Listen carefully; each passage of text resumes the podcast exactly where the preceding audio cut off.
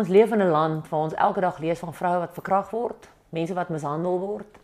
Ons um, weet wat is moordsyfer, maar ek wil vandag 'n stelling waag en sê ek dink daar's meer mense wat mishandel word met die tong as wat hulle mishandel word met die vuis. En weet jy wanneer ons gefrustreerd raak, dan sê ons baie keer goeters wat ons nie moet sê nie.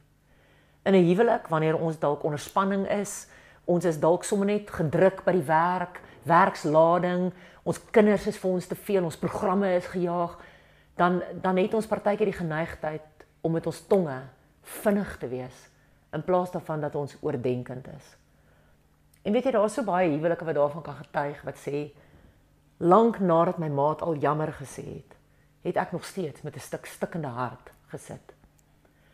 Dalk is jy een van die mense wat sê Greta wanneer ek kwaad word, sê ek goed en ek weet dit is nie reg nie Greta, maar ek het al hoeveel keer vir my man gesê ek bedoel dit nie.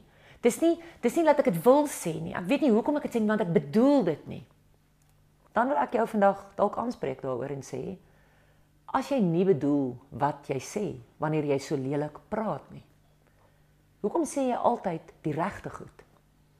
Hoekom sê jy dan toevallig die goed wat jy weet seermaak? Jy sien baie keer is ons baie meer berekend met ons tonge as wat ons wil erken. Daar's 'n mooi verhaaltjie van 'n seentjie wat so lelik gepraat met mense. En sy pa het vir hom gesê: "Maar Boeta, jy mag nie so praat nie en ek gaan jou 'n les leer.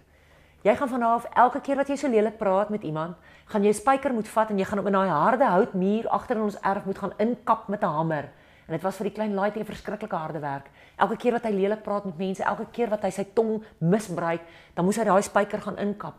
En weer en later elke keer dan as hy iets wil sê, dan bedink hy homself want hy wil net nie weer daai spyker gaan inslaan nie. En weet jy en so het hy geleer om nie meer so lelik te praat nie. Want hy het besef daar's daar's 'n gevolg wanneer hy so hard praat lelik praat. Maar wie hy toe kom sy pa met 'n met 'n ander angle. Die die seentjie kom by sy pa en hy sê: "Pappa, pappa kan kom kyk, ek kap glad nie meer spykers in nie." Hy sê: "Boeta, ek is so trots op jou." Maar weet jy wat vir elke dag wat jy nie iemand seermaak nie, gaan jy nou moet gaan en jy gaan 'n spyker moet gaan uittrek. En hy laai dit elke dag wat hy nie lelik gepraat het nie, 'n spyker uitgetrek. En toe almal uit is, toe sê hy: "Pappa, kom kyk asseblief, want dit is so, pappa, ek is so trots op myself. Kyk op pappa, daar's niks spykers nie." En die pa het gesê, "Wat sien jy, Boeta?" Hy sê, "Pappa, niks spykers nie." Toe sê hy, "Maar wat sien jy?" Toe sê hy, "Pappa, dis reg, daar's net die gate. Daar's niks spykers nie."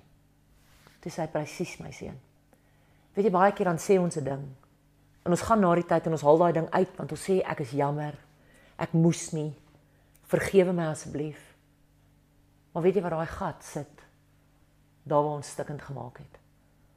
En ek wil jou asseblief vra dat jy sal lewe skep met jou tong dat jy sal gaan dink oor wat jy sê.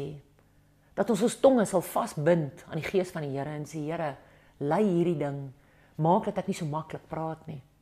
As jy iemand is wat vinnig praat, iemand is wat dikwels spyt is oor die dinge wat jy gaan sê, gaan bepaal vir jouself in watter omstandighede sê jy dit. Wanneer praat jy so lelik? Is dit wanneer jy vasgekeer voel? Is dit wanneer jy moedeloos is? Is dit wanneer jy buite beheer kwaad is? Is dit wanneer jy moeg is? Partykeer moet ons gaan mooi dink. Want as ek weet ek praat lelik wanneer ek geïrriteerd is, dan weet ek vandag is ek geïrriteerd. Vandag moet ek waaksaam wees. Vandag het ek baie werk, ek is gejaag. Vandag moet ek waaksaam wees. Kom ons gaan kalkuleer die wortel sodat ons 'n mooi calculation maak met ons tonge vir die toekoms van ons huwelike.